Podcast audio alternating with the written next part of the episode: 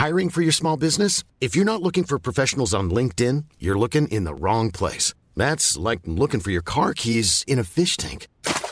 LinkedIn helps you hire professionals you can't find anywhere else, even those who aren't actively searching for a new job but might be open to the perfect role. In a given month, over 70% of LinkedIn users don't even visit other leading job sites. So start looking in the right place. With LinkedIn, you can hire professionals like a professional. Post your free job on linkedin.com slash people today. Halo pendengar ganteng-ganteng Manchester United Podcast Baik lagi bersama kita berdua. Dan pada kesempatan kali ini kita nggak akan bahas match Tapi kita pengen bahas sedikit drama Yang uh, cukup berisik ya di Twitter timeline gua gitu kan. Dan ini kejadian yang mungkin terjadi mungkin 100 tahun sekali kali. Dan dan gue gue cukup apa ya merasa agak anomali gitu ngelihat uh, organisasi sekelas UEFA gitu kan. Melakukan kesalahan yang bisa dibilang cukup konyol gitu dan lu kayak berasa main di liga amatir gitu kan. Yang jadi pengundi tuh ketua RT gitu kan. Terus tiba-tiba tangannya keselip gitu kan ngambilnya aneh gitu. Yeah. gue gak tahu apa yang terjadi tapi gue mau lihat tanya ke lu nih. Kemarin itu pure karena settingan atau memang ada agenda lain yang kemudian lu bisa baca dari dari kronologi kemarin, Vin? Nggak tahu ya, cuma memang pas pertama kali ada berita bahwa kayaknya ada pot MU yang nggak dimasukin lagi ke dalam sebuah undian ya. Setelah kalau nggak salah setelah Villarreal, Villarreal atau Atletico, gue langsung nulis ya. Kita tahu lah UEFA atau FIFA atau federasi-federasi kayak gitu pasti ada sebuah permainan lah di belakangnya karena ada namanya bandar kan yang kita tahu juga bandar judi. Jadi memang hal-hal kayak gitu nggak bisa lepas dari segala kehidupan kita semua. Dan ya udah ketika hal kayak kemarin terjadi itu udah bukan sebuah hal yang uh, mengagetkan sebenarnya. Cuma kalau pada akhirnya menjadi sebuah hal yang diulang lagi, drawingnya, undiannya, itu agak lucu karena emang nggak pernah terjadi kan sebelumnya drawing itu diulang gitu. itu nggak pernah terjadi sih. Oke oke oke. Dan baik lagi ini kita nggak akan pernah tahu sampai yang akhirnya satu hal yang gue temukan ternyata ini nggak cuma sekali. Ternyata uh, yang akhirnya kesalahan adalah yang gue baca uh, pot undiannya MU itu satu kantong sama Villarreal yang sebenarnya kita tuh dalam satu grup yang sama yang sebenarnya nggak boleh gitu kan. Nggak boleh satu grup sama dan nggak boleh satu negara. Kalau diubah ke 16 besar yang kedua itu juga di ininya potnya uh, Liverpool kalau nggak salah. Eh atau siapa ya? Gue lupa apa. Itu yang satu grup juga ada sama grup juga gitu kan. Jadi sebenarnya ini dua dua hal yang menurut menurut gue kenapa bisa terjadi ini dua kali gitu kan. Dan untungnya akhirnya keulang. Tapi kalau gue boleh tahu nih uh, kira-kira dengan kita nggak ketemu PSG gitu kan itu dan itu sesuai dengan apa prediksi gue ya di episode sebelumnya gitu kan kira kecapaian. Nah, apa yang lu lihat dari pros and cons dengan akhirnya kita nggak ketemu PSG di 16 besar, Vin? Kalau yang gue suka dari ketemu PSG adalah ya kita cuma mengulang lagi gitu lah apa yang kita sudah lakukan ya di dua match terakhir di Paris yaitu menang gitu. Dan gue pikir match ketiga ini tidak akan kalah karena ya dua kemarin udah menang cuy gitu. Dan apalagi kita sekarang punya the GOAT yang akan versus juga bersama another GOAT yaitu Lionel Messi dan itu sebenarnya akan menjadi sebuah pertandingan yang sangat-sangat uh, seru untuk disaksikan ya, apalagi untuk penonton layar kaca yang netral. Jadi sebenarnya tapi satu sisi disayangkan juga karena ya kita nggak tahu nih PSG apakah bisa melewati hadangan Real Madrid yang mana Real Madrid juga di liga lagi bagus, ranking satu dan juga di Liga Champions juga cukup bagus ya, ranking satu hmm. juga. Jadi memang di sini PSG agak agak apa ya mungkin kita jadi tidak akan melihat duel Messi lawan Ronaldo karena Messi ini akan mungkin akan kalah gitu lawan lawan Real Madrid. Ya who knows ya. Iya, meskipun ya, ya, ya kita tahu di belakang Lionel Messi ada Sergio Ramos yang mana ex Real Madrid gitu Oke okay, oke. Okay. Dan tapi sebenarnya gini kalau kalau menurut gue ya uh, sebenarnya pertemuan Ronaldo sama Messi ini kan terakhir kali di knockout stage Liga Champions itu kan terjadi terakhir itu tahun 2010 2011 semifinal gitu kan. Yang mana udah cukup lama sebenarnya ini uh, dua got ini nggak ketemu gitu kan. Dan kalaupun ujungnya ada bandar quote unquote yang akhirnya bermain menurut gue sih emang pure karena emang komersial gitu kan. Dan ya ini dua mega bintang ya akhirnya semua mata kesorot sama ini gitu kan. Kapan lagi lu lihat Messi ketemu sama apa Ronaldo di edisi ketiga ya. Setelah Betul. pertama mungkin di uh, eh, MU Barca, Madrid Barca, sekarang MU PSG gitu kan. Tapi well uh, semua udah keulang gitu kan dan akhirnya mungkin bisa jadi uh, kita nggak akan ketemu sama uh, Ronaldo nggak ketemu sama Messi tapi nggak tahu gimana akhirnya yang terjadi. Nah, gue pengen nanya nih ke lo nih gitu kan dan kita kan ngelawan Atletico gitu kan. Uh, sebelum gue pengen nanya pendapat dari lo, ini ada satu hal yang gue baca dari uh, Owen Hargreaves. Dia setelah ngedengar uh, apa namanya uh, diputar lagi untuk undiannya, bilang kalau dia nggak cenderung yakin kalau MU bisa masuk atau menang lawan Atletico gitu kan. Karena dia rasa Atletico punya main uh, berpengalaman gitu kan. Tapi gue nanya ke lu, apakah itu valid atau lu punya tanggapan berbeda dari apa yang Hargreaves uh, lihat dari match kita lawan ATM, Vin? Ya kalau misalnya alasannya cuma pemain berpengalaman, menurut gue pemain MU juga nggak kalah berpengalaman kan gitu. Jadi kayak apa ya satu satu alasan itu sama sekali nggak valid menurut gue gitu. Bahkan hmm. ya kalau mau bicara pemain paling senior, ya di MU ada Ronaldo, ada Cavani. Sedangkan di Atletico mungkin paling senior cuma Luis Suarez ya. Kalau dulu mungkin ada Diego Godin, tapi sekarang ya cuma Luis Suarez yang paling senior. Kayaknya ya seingat gue gitu. Jadi kalau alasannya cuma itu mungkin nggak valid gitu. Tapi kalau misalnya bicara dari aspek yang lain, misalnya dari sisi strategi atau mungkin pelatih, strategi pelatih juga gitu. Susu, uh, line up pemain yang akan digunakan itu mungkin bisa menjadi hal yang berbeda untuk dibahas menurut gue gitu. Hmm, iya iya. Dan ini menarik ya karena sebenarnya kalau ngomong masalah MU sama Atletico, jujur gue uh, nggak terlalu ngikutin kapan terakhir kita ketemu gitu kan. Tapi kita bisa ngelihat kemudian bagaimana satu sosok yang menurut gue bisa jadi seorang pembeda gitu kan. Yang mana Cristiano Ronaldo gitu kan. Dan dia punya menurut gue sih catatan sejarah manis ya gitu kan uh, dengan Atletico. Dan gue inget banget di gue lupa di tahun 2015 atau 17 yang Ronaldo tuh udah kalah kan sebenarnya kan. Uh, bukan uh, kalau nggak salah Madrid atau Juventus gue lupa ya. Yeah, kalau nggak salah yeah. Madrid deh yang udah kalah di leg pertama dan bahkan beberapa fans Atletico udah uh, mengatakan Ronaldo is dead gitu kan dan somehow itu kedengar di telinga Ronaldo terus tiba-tiba dia ngelakuin siu di hadapan apa namanya stadion yeah. Atletico gitu kan dan yeah. apa yang lu bisa uh, lihat dari uh, apa namanya momen antara Ronaldo dan juga Atletico Vin? Um, sebenarnya uh, mungkin gue relatif dikit kali ya Se hmm. soalnya gue juga tadi baru nonton tuh matchnya jadi sebenarnya itu adalah match uh, Juventus melawan Atletico uh, kalau nggak salah di dua atau tiga musim lalu benar kata lo di leg pertama Atletico menang 2-0 hmm. tapi kemudian di leg kedua dihajar 3-0 di Turin kayak gitu dan yeah. benar jadi memang fans Atletico udah bilang go to Italy and go home and uh, hmm. try gitu kan hmm. habis itu uh, Ronaldo pas lagi ngelewatin fans Atletico kan kayak di tunnel atau di mana uh, diledek tuh kayak sama fans fans Atletico dan akhirnya Ronaldo cuma bilang gini kan five times I won five times with Real Madrid and you won nothing gitu kan. Iya iya iya. Bilang kayak gitu kan. Terus ya udah dan dari situ gue melihat bahwa ya mentality man gitu lah sesuatu hmm. yang nggak bisa dimiliki oleh semua orang, sesuatu yang kayak mungkin kalau kita lihat mungkin ya pemain sebaliknya adalah seperti Luke Shaw, yang mana hmm. pemain seperti Luke Shaw ini bukanlah pemain yang kalau misalnya dikritik dia akan menjadi pemain yang lebih baik. Hmm pemain seperti Ronaldo, dia dikatain, dicaci maki, diledek, itu membuat dia makin bersemangat untuk membuktikan bahwa mereka salah gitu. Ya, ya. gitu. Jadi ini adalah um, dua sisi mata koin yang berbeda yang mana kalau kita lihat mungkin ya Ronaldo akan mendapatkan abuse yang sama ya. Bukan literally abuse tapi ledekan lah bantering mm -hmm. sama dari fans Atletico karena mungkin dia ex uh, Real Madrid dan juga di Juve kan yang dia menirukan selebrasinya Simeone gitu kan ya iya, kalau iya benar benar.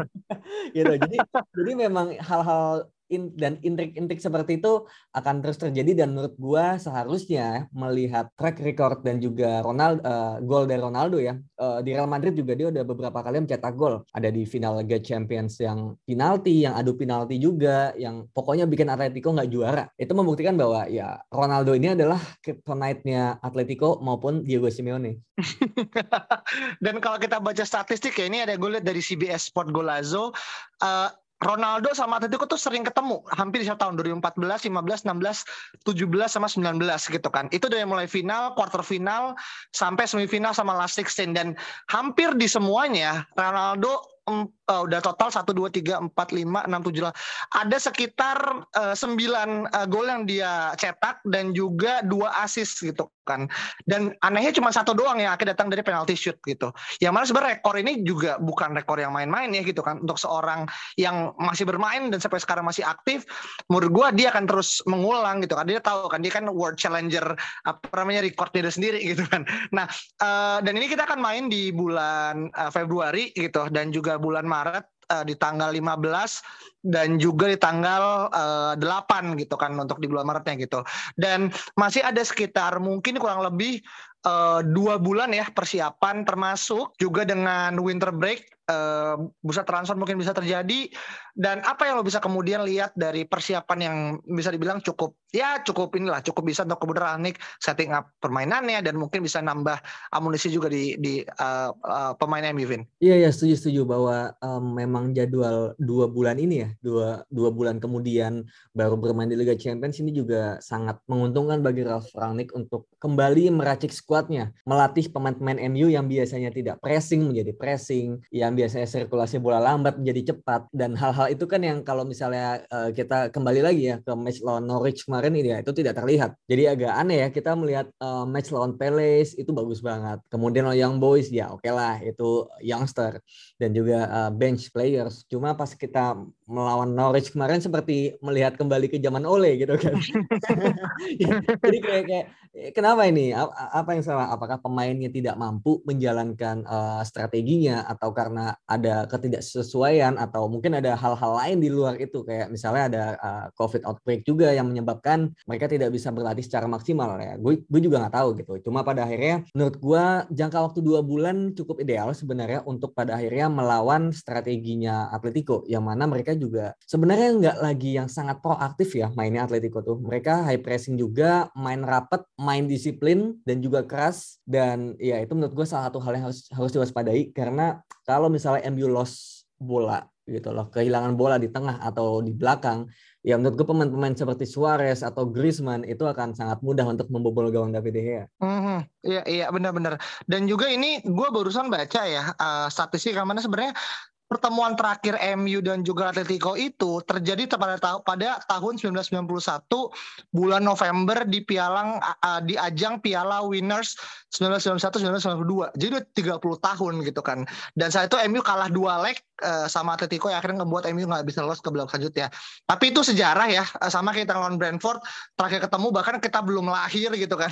Jadi uh, sulit untuk kemudian membayangkan uh, petanya seperti apa gitu. Tapi kalau lu bilang kemudian kita harus berhati-hati karena menurut gua correct me if I'm wrong ya. Atletico kan tipe tipe uh, tim yang kemudian lebih cenderung mengadakan serangan balik gitu kan. Dan yeah. menurut gua ini yang kemudian harus diwaspadai karena transisi MU yang sekarang sedang menuju high uh, line defense yang kemudian kalau kemudian sedikit berantakan dan mungkin gue nggak tahu apakah uh, nanti di ketika sana ada uh, cedera atau segala macam tapi ininya gini mungkin kalau gue pengen nanya kalau Nipin uh, berapa persentase kemudian kita bisa memenangkan pertandingan dan berapa persentase kemudian kita bisa eh, lolos ke selanjutnya, Vin? Kalau memenangkan pertandingan benar sebenarnya agak agak gimana ya, agak susah gitu. Karena benar-benar pada akhirnya tergantung eksekusi di lapangan. Dan menurut gue apa yang akan terjadi di dalam lapangan ya secara strategi di atas kertas itu sebenarnya agak cukup mirip gitu. Dari segi pressing yang mana Atletico juga bagus banget ya. Pressingnya bermain rapat disiplin. Sedangkan kita tahu bahwa MU ini um, sirkulasi bolanya masih belum begitu cepat dan kadang-kadang masih sering sekali kehilangan bola yang apa ya kayak operan-operan mudah pun masih suka salah oper lah semacam itu. Jadi menurut gua akan sangat alot di lini tengah bahkan mungkin akan nggak banyak peluang gitu. Ini ini mungkin sangat dini ya buat buat memprediksi pertandingannya seperti apa. Cuma menurut gua akan menjadi pertandingan yang alot dan pada akhirnya yang membedakan mungkin detail-detail kecil seperti blunder atau misalnya gol jatuh dari langit atau mungkin gol-gol penalti dari Ronaldo. Semoga ya bukan gol dari Griezmann gitu. Jadi dan juga mungkin magis dari David De Gea itu juga yang menurut gua uh, mungkin David De Gea uh, David De Gea ingin um, ya mungkin show off sedikit ya di depan uh, pendukung lamanya yang menunjukkan bahwa ya gue lebih baik daripada Jan Oblak gitu. Bahkan tua juga gitu. Ya cuma pada akhirnya ya itu menurut gue detail-detail kecil dan aksi-aksi individu sedikit yang bisa membedakan hasil pertandingan. Apalagi apalagi di Liga Champions kali ini di fase knockout kali ini udah nggak ada lagi gol tandang. Jadi sebenarnya ya one goal is matter. Hmm, benar. Dan juga uh, balik lagi ini mungkin akan bisa merubah uh, strategi dan juga psikologi pertandingan gitu karena menurut gue gol gol eh, gol tandang tuh bisa memberikan satu buah efek yang cukup uh, trafik kejut gitu. Dan sekarang udah nggak ada gitu. Jadi mungkin ini melatih mental pemain seberapa dia bisa kemudian adjusting dengan permainan gitu. Dan kita udah bahas juga tadi Ronaldo dan juga Simeone gitu kan. Tapi kita juga paham bahwasanya uh, kita punya dua sejarah ya. Tadi udah dulu sebut diri gitu kan Atletico yang kemudian pernah membesarkan De gitu kan yang kemudian harus pindah di tahun 2011 2012 dan juga satu pemain yang akan kembali uh, merumput ke Old Trafford gitu kan setelah kita tahu betapa uh, apa ya bisa dibilang parahnya kejadian rasial yang kemudian menimpa uh, Luis Suarez gitu kan dengan Patrick Evra. Dan gue menantikan ketika MU akan bermain lawan Atletico Patrick Evra akan jadi pundit gitu kan. Dan dia mungkin akan mengatakan I love this game kalau misalkan MU menang gitu kan. Iya iya sambil bawa ini bawa apa uh, tangan kan dia gigit gitu gitu kayaknya. Sambil nih tangannya gini gini apa kayak itu masih yang beri tangannya naik naik ke atas gitu kan pas di tahun berapa ya yang pas MU Liverpool zaman 2012 apa 2000 ya, ya 2000 iya kan kita masih SMA saat itu. Dan ya. ini yang kemudian akan menjadi sebuah apa ya uh, pesta terapi kecil juga buat Suarez gitu kan untuk kembali ke Old Trafford setelah sekian lama kemudian dia dia nggak bertandang lagi gitu. Uh, dan kalau kita ngomongin masalah uh, chance gitu kan. Tentu keduanya masih sama-sama punya peluang uh, untuk lolos gitu kan. Terlepas mungkin uh, banyak orang sedikit mengunggulkan MU karena kita udah dilatih sama Rafahnya gitu kan. Tapi kalau misalkan ini mungkin terakhir dari gua dari dan juga nanya ke lu. Kalau lu ngelihat nih sekarang nih kita ketemu Atletico dan mungkin depannya akan ini kira-kira chance sejauh mana sih kita bisa kemudian bisa melangkafin kalau emang kita bisa lolos dan gimana lu ngelihat akhirnya peta persaingan di di tim lain? Apakah lu lihat akan ada kejutan? Dan apakah bisa ini kita fulfilling property apa yang Tuchel lakukan di Chelsea dan itu bisa ditiru sama Rangnick di musim ini Vin? Kalau misalnya cuma satu match aja ya tentang Atletico dan juga MU menurut gue ini harusnya ya harusnya MU bisa ya. Karena sekali lagi MU punya pemain-pemain yang punya pembeda ya. Big game player seperti Ronaldo seperti David De Gea dan juga Edinson Cavani mungkin bisa jadi pembeda ya kalau misalnya dia sudah fit. Dan mungkin Rafael Varane juga pengalamannya di Real Madrid, pengalamannya melawan Atletico Madrid itu kan jadi sangat berguna untuk uh, backline MU. Jadi menurut gue kalau matchnya sendiri harusnya sih bisa ya melenggang dengan mungkin agak susah payah ya karena memang Atletico ini mainnya keras dan juga high pressing jadi akan sangat melelahkan. Cuma kalau misalnya lu tanya secara keseluruhan bagaimana kans MU untuk uh, melaju sebenarnya kan tergantung sama pertandingan-pertandingan yang lain ya. Ada Bayern, ada Liverpool, ada Real Madrid, Juventus, Chelsea dan juga Man City. Menurut gue balik lagi ya ini masih tergantung dengan undian kepada siapa MU akan bertemu dan melihat nggak banyak tim besar yang saling bertemu kecuali mungkin mungkin Inter, Liverpool dan juga PSG dan Real Madrid um, menurut gue akan tetap sulit sih gitu. Apalagi kalau ternyata ketemunya langsung lawan Bayern Munchen gitu. Jadi kalau Munchen kayak gue agak pesimis langsung gitu. Karena memang uh, kita lihat sendiri pemain-pemainnya udah sangat settle, backbone-nya juga udah jelas, permainannya udah jelas. Jadi kalau lawannya Bayern kayaknya ya sorry to say agak sulit sih menurut gue. iya iya iya, iya memang banyak faktor ya. Akhirnya uh, bisa memperkuat dan juga memperlemah uh, status MU untuk bisa lolos pada tahapan berikutnya gitu kan. Dan salah satunya adalah drawing, salah duanya adalah uh, bursa transfer menurut gue ya Vin. Dan kita akan bahas secara lebih spesifik terkait dengan siapa-siapa yang akan mungkin didatangkan dan uh, gue nggak tahu apa yang kemudian akan terjadi, apa strategi Rahnik, apakah board dan juga Rahnik sudah membicarakan sebenarnya ekspektasi lo kepada MU itu sejauh apa di Liga Champions gitu kan? Dan kita nggak pernah tahu karena kan diskusi internal gitu kan. Yang kita tahu adalah ya kita support United uh, regardless kemudian hasilnya apa karena baik lagi musim ini adalah musim percobaan untuk sekali lagi ya. Setelah empat musim kemudian kita dibilang ya udah nih musim percobaan musim progres tapi ya well uh, baik lagi kita um, musim ini baik lagi ya kalah. Ya udah menang ya syukur gitu kan. Dan semoga hmm. tahun depan adalah tahun pembuktian gitu. Nah mungkin terakhir dari lu um, kira-kira apa yang perlu dipersiapkan oleh MU untuk akhirnya melawan Atletico dari uh, mungkin dua bulan ke depan, Vin? Dua atau tiga hal mungkin yang menurut bisa menjadi poin pembeda. Satu sih mungkin adalah ya pressing, pressing secara kolektif, pressing yang tidak um, tidak ada henti-hentinya ya sepanjang dua babak. Karena kalau misalnya kita lihat di beberapa match terakhir, terutama di bawah Rangnick itu pressing kita cuma bisa di babak pertama aja. Sedangkan kita tahu Atletico juga banyak sekali pemain yang stamina-nya tinggi dan juga ya itu udah gaya main mereka dari tahun ke tahun, dari tahun 2010 mungkin.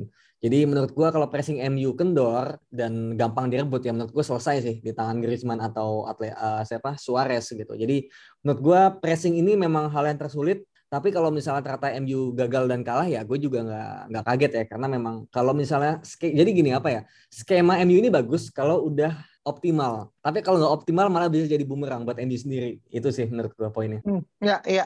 Dan buat gue point of view yang cukup menarik juga yang terakhir adalah gue menunggu akhirnya uh, uh, Ho Felix akan ketemu lawan Mason Greenwood gitu kan. Menurut gue nih dua wonderkid ya. Hopefully umurnya sama sih 19 atau 20 lah gitu kan.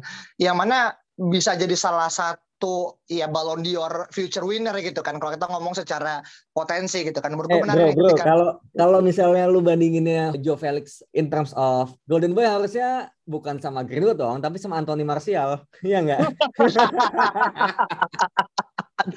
Aduh. ini ini pemain yang eksepsional ya, apalagi di musim ini kayaknya dia below the radar gitu kan kalau bahasa gaul. iya. Iya iya iya, tapi kita nantikan gitu kan terlepas akhirnya nanti gimana. Dan itu aja pembahasan tentang um, um, calon pertandingan di babak 16 besar. Kita ketemu Atletico di bulan Februari juga Maret. Nantikan episode-episode berikutnya dan juga follow kita di Spotify. Dan sampai jumpa di pertemuan berikutnya. Bye-bye.